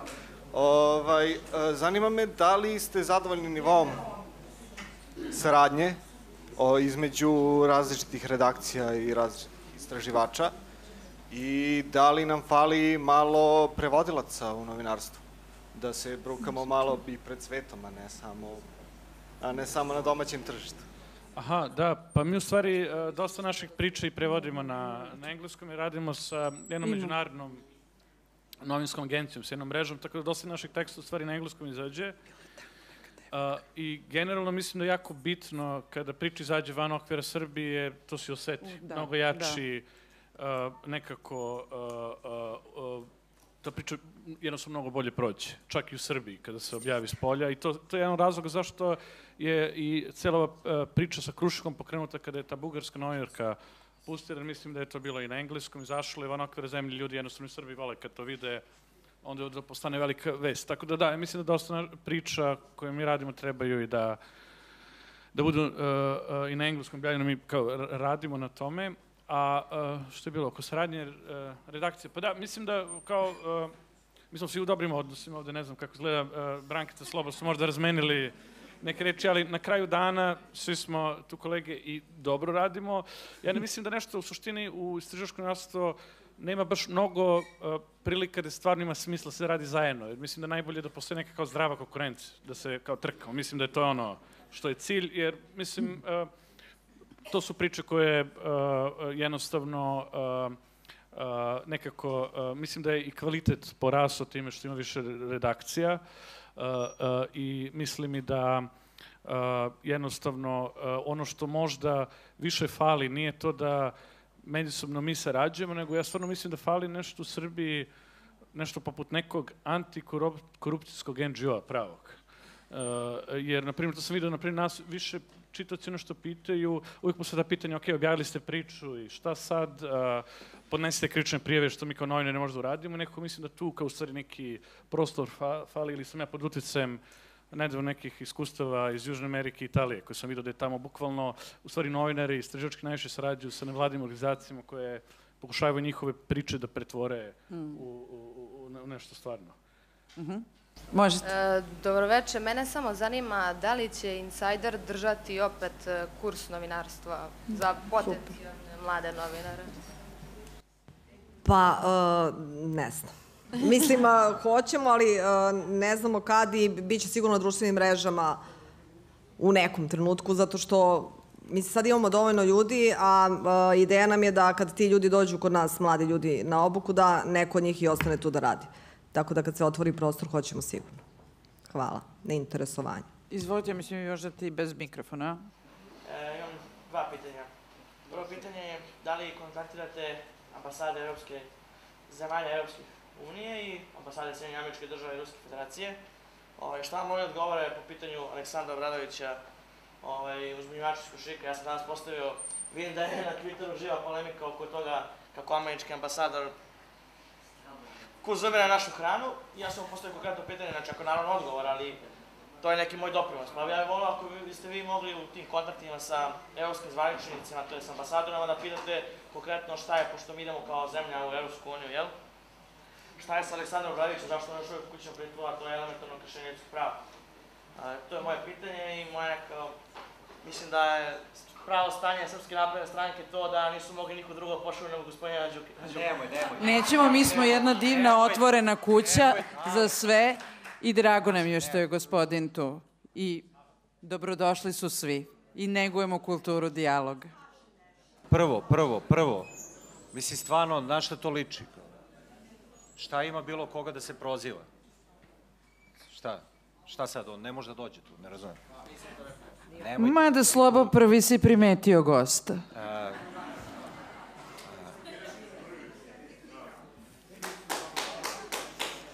ovaj, ne, ne, zaista, znači, to, to nije u redu.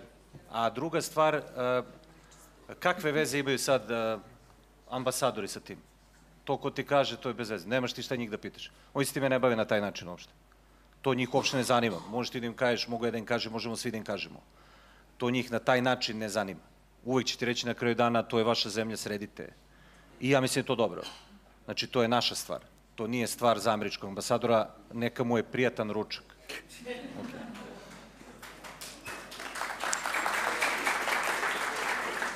Da li ima još pita? Aha, ima tamo. Izvolite. Pre svega da pohvalim Brankicu, Mijate, za neverovatnu priču, karijeru, sve što radila do sada. Vama posebno hvala za ovu tribinu, ali bih htjela da vratim fokus na ono što je Brankica rekla po meni ključ danas. Da povežem sa ovim što je radila, što je tema. Ona je rekla, ne, to nisu afere, to su rasvetljene priče koje nisu završene. Šta je sa tužilaštvom? To je suštinska priča. Da li postoji mogućnost bilo koga od vas Da li ste probali da razgovarate sa tužiocima? Čemu je problem? Gde je škripi? Da li je neko probao da aktivni intervju ne sa Aleksandrom Vučićem, Imamo obećanje Zagorke Dolovac da će doći u debatu. Stvarno? Da. O, ovo je velika najava. Ovo je Evo, velika najava. Tako da jedva čekamo. Moje ime je Miloš Šekić, student filozofskog fakulteta. Ja imam jedno pitanje, danas sam vidio na portalima što se tiče rektora Jovanovića sa Megatrenda. Ne znam da li imate neke informacije, da li on prodaje svoj univerzitet ili ne, da li odlazi u dan, da li će biti ono čuveno prodaje i pali i da li će novi rektor biti kasapin iz Leskovca ili ne. Da li imate Neki ću samo da kažem, mnogo su sveže vesti s gospodinom Jovanovićem i jedna drugu stiže, tako da ne znam koliko su procesovali sva ova dešavanja. Prodao sam, ali nisam hteo, u stvari neću da ga prodam i ovaj, Ja mislim da bi ta tema bila za neku od sledećih tribina, jer se tiče e, univerziteta. Mi nikako ne smemo da se zaustavimo samo na plagijatu Siniše Malog. Mnogo tema ima i hvala na postavljenom pitanju, ali ćemo to na nekoj od sledećih tribina. I hvala našim gostima i pokazali su divnu solidarnost ovde.